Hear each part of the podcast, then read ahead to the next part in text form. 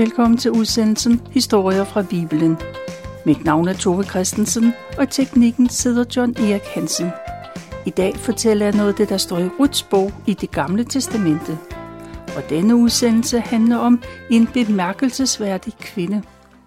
Ruts bog foregår i dommertiden, men med beretningen om Rut har fået sin helt egen bog. Faktisk så betyder navnet Rut på hebraisk, det betyder ven eller fælde.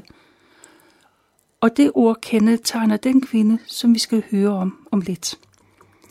For hun var en trofast ven og, øh, og fælde.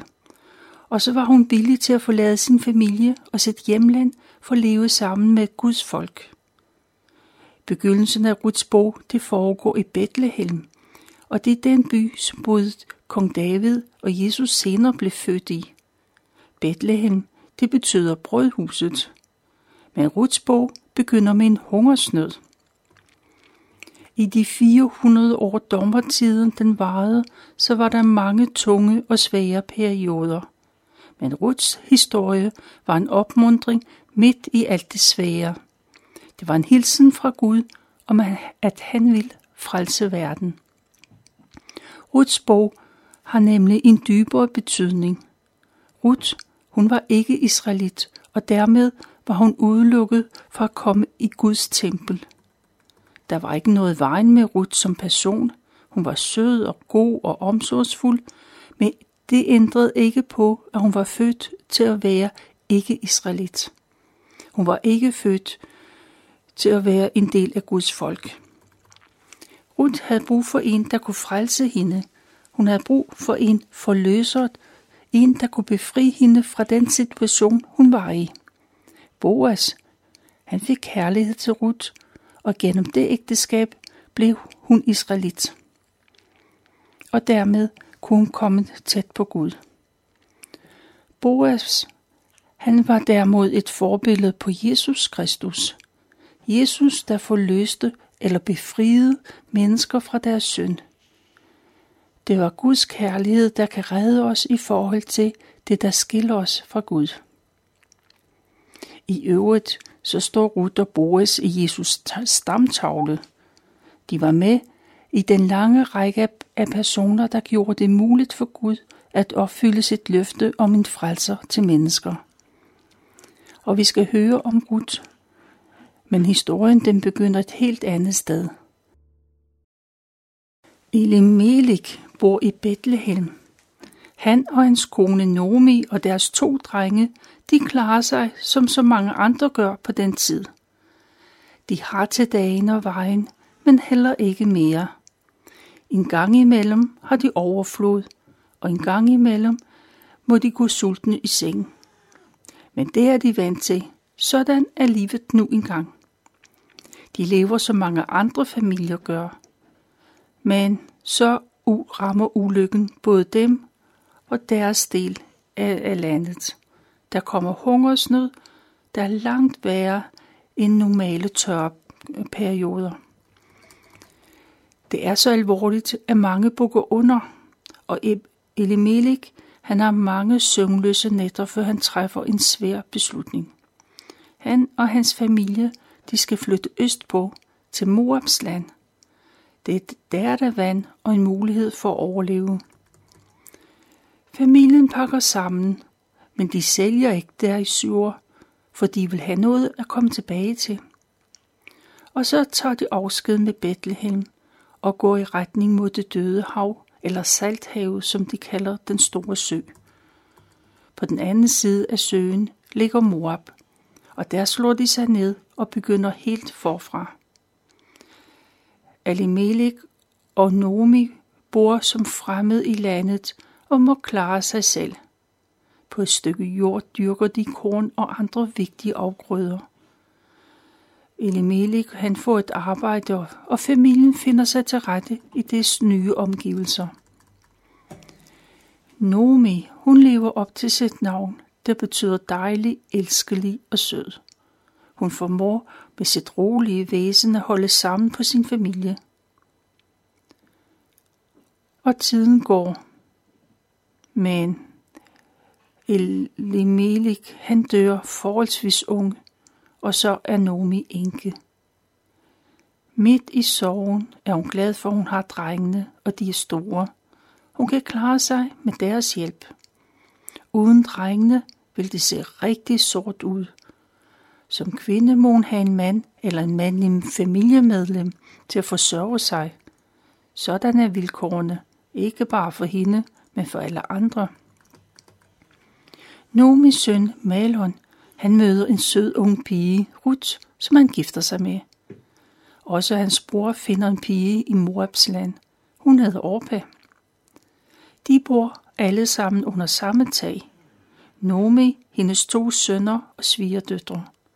De har omsorg for hinanden og viser rent praktisk, at de holder af hinanden. Og så går der 10 år. 10 år siden den lille familie kom til Moab som flygtninge. Selvom de har haft deres sorger og bekymringer, så tegner fremtiden lys. Men lige som det går godt, så bliver familien igen ramt af en tragedie. Begge Nomis drenge dør. Først den ene, så den anden. Eller unge. Mænd er det jo.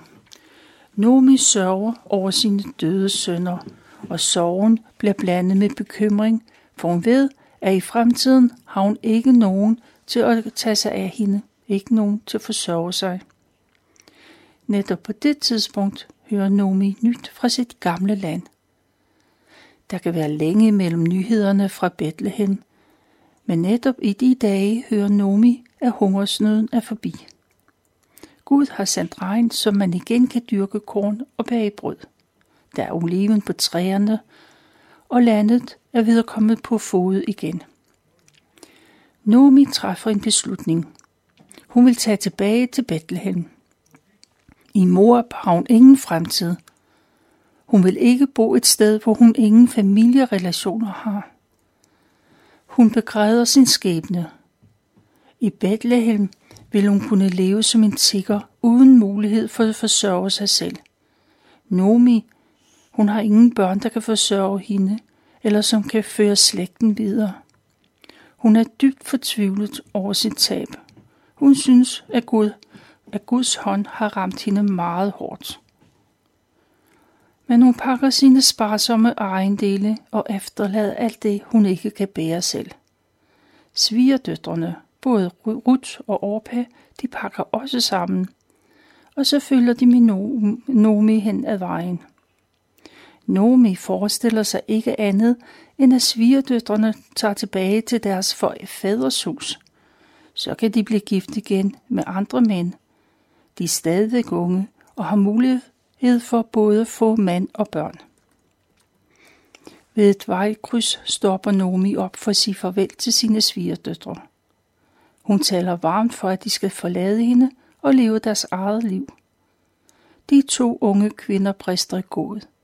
De vil nødigt tage afsked med Nomi. De har begge meget lyst til at følge med hende til Bethlehem. Men Nomi holder på sit, og Orba, hun tager en beslutning. Hun falder sin svigermor om halsen og kysser hende farvel. Nomi tager også en beslutning, men hun vil ikke forlade Nomi. Hun vil med til Bethlehem. Nomi, hun vil være en del eller Ruth, det er jo Ruth, der vil være en del af Nomis hjem og være en del af hendes folk. Hun vil tro på Israels Gud. Gud, Ruth holder på sit. Der er ikke nogen eller noget, der kan ændre den beslutning. Og svigermor kan høre, at Ruth mener det, hun siger.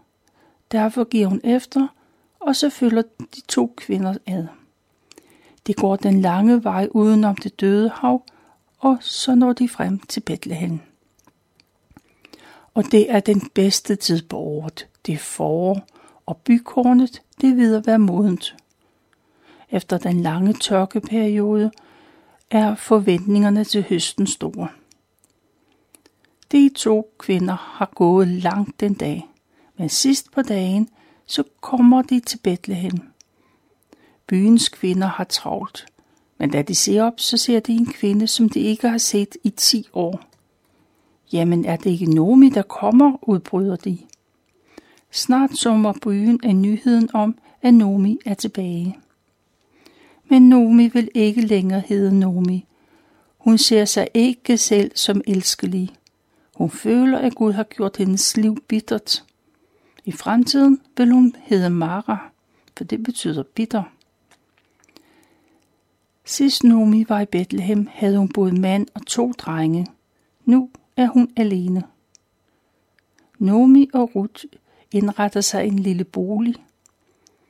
Men den dag, man begynder at høste, så siger Ruth, at hun vil gå ud og samle de ark sammen, som høstfolkene ikke har fået med. Selvom man altid er meget omhyggelig med at samle alt det korn ind, der ligger, så er der altid lidt tilbage, som man ikke har fået med. Ifølge Moseloven, så har de fattige ret til at samle det korn op, korn, som de kan bruge til at overleve på. Det er ikke en regel, Rut kender fra sit hjemland.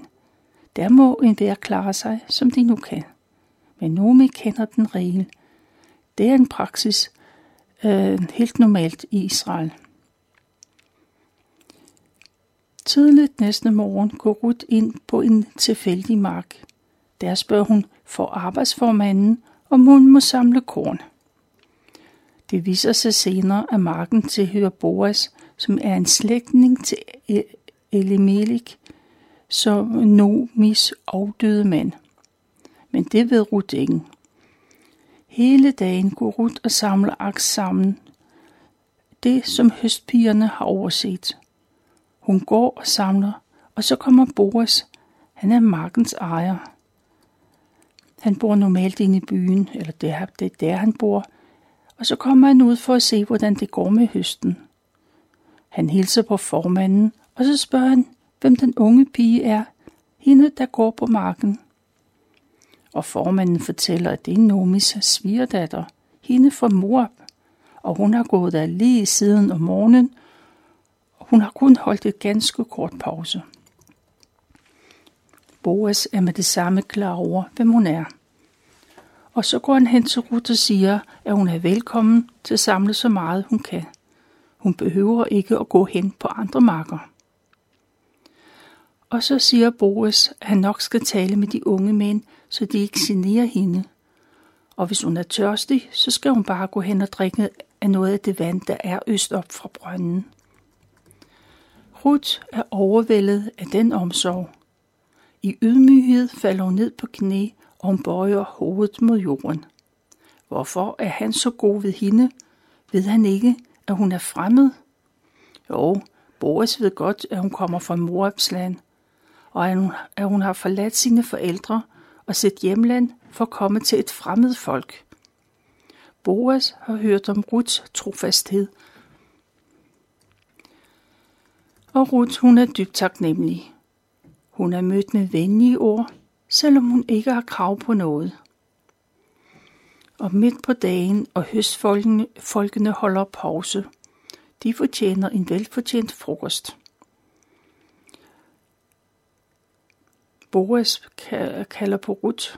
Hun skal også komme og spise.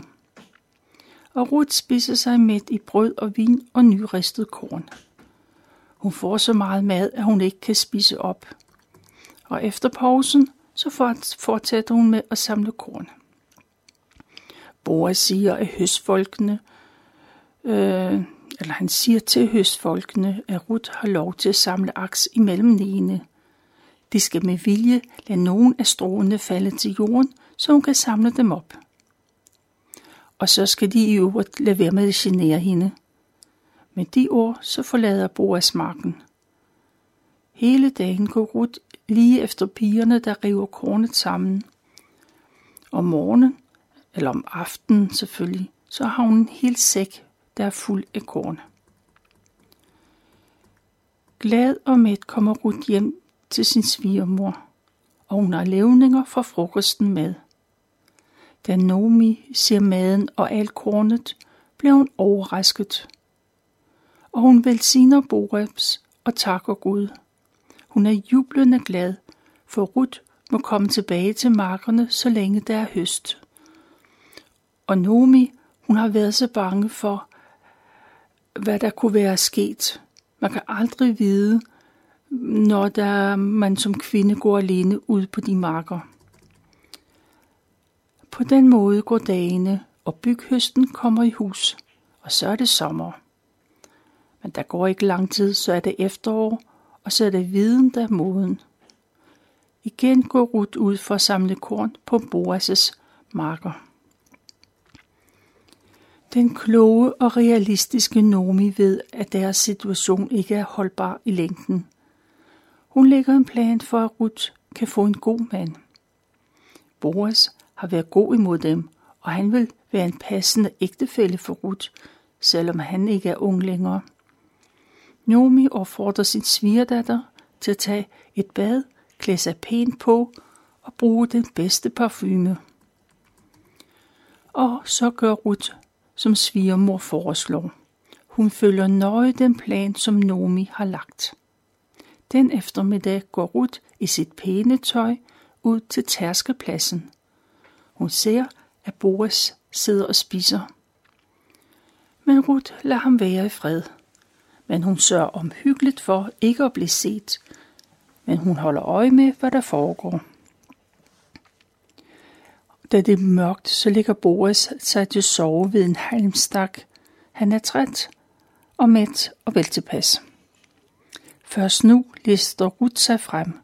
Hun går hen til det sted, hvor Boas ligger. Ganske forsigtigt løfter hun kappen væk fra Boas' fødder. Uden at forstyrre den sovende mand, lægger hun sig ned under hans kappe.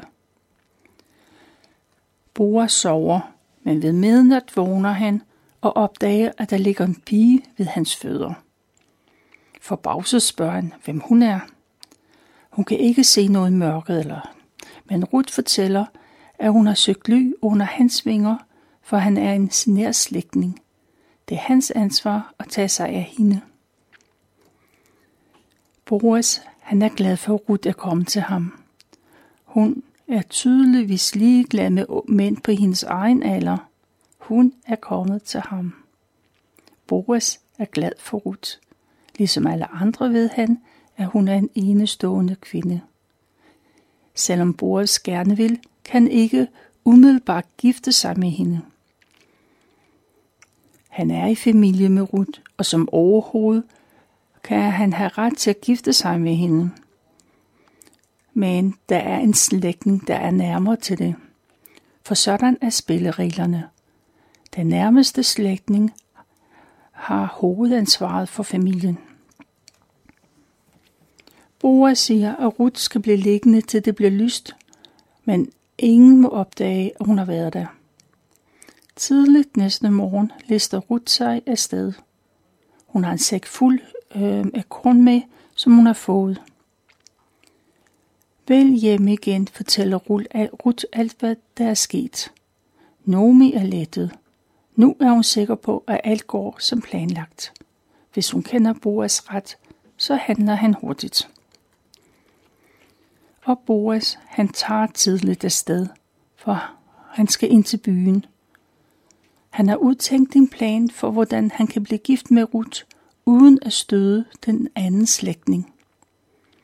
Boas, han går ind i byporten. Der sætter han sig.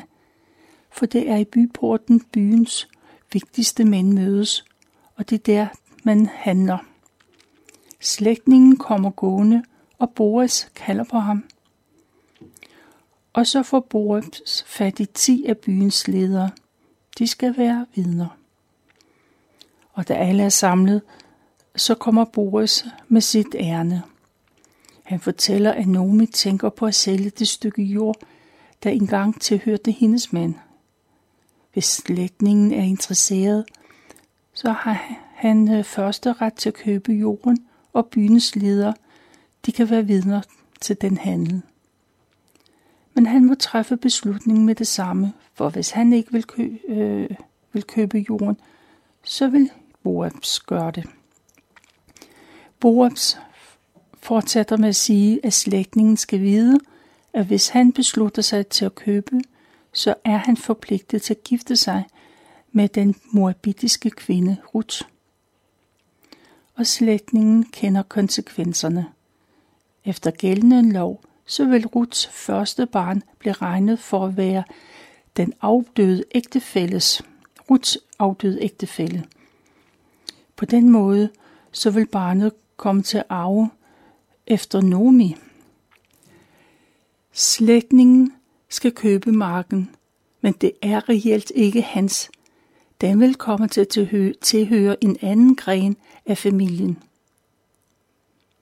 Det giver slægtningen kolde fødder. Han er ikke interesseret i at investere i noget, der skal tilhøre andre. Og nu kan Boas med god samvittighed gå videre med sine bryllupsplaner. Han meddeler de ti ledere, at han vil købe marken og gifte sig med Ruth. Og lederne, de bekræfter handlen, og de giver Boas deres velsignelse. De ønsker, at Gud må gøre hans Øh, kommende hustru frugtbar, og deres efterkommere må blive talrige.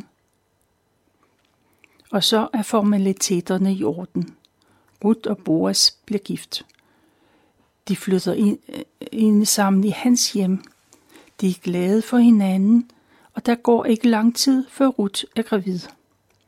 Og Nomi er ikke glemt, for hun bor hos de nygifte. Ruth føder en søn, en dejlig dreng, som både far og mor er glade for. De kalder ham for Obed, og bedstemor Nomi, hun er glad. Den nyfødte barn regnes for at være hendes sønnesøn. Og nu kan hun se en mening med det hele. Hendes slægt bliver ført videre gennem den dreng. Og byens kvinder kommer på besøg. De taler med Nomi og takker Gud, for han har givet hende et barnebarn. Gid det barn må vinde ære i Israel, siger de. Nomi passer drengen, som om det er hendes eget. Og naboerne, de ser ikke længere Nomi som barnløs. De siger til hinanden, at nu har Nomi fået en søn. Barnet vokser til, og han bliver voksen, og han får selv børn, og slægten går videre. Obed, drengen, han bliver far til Isai og bedstefar til kong David. På den måde kommer Ruth og Boris i slægtstavlen med både kong David og Jesus. Det er, hvad jeg har valgt at fortælle fra Ruths bog i det gamle testamente.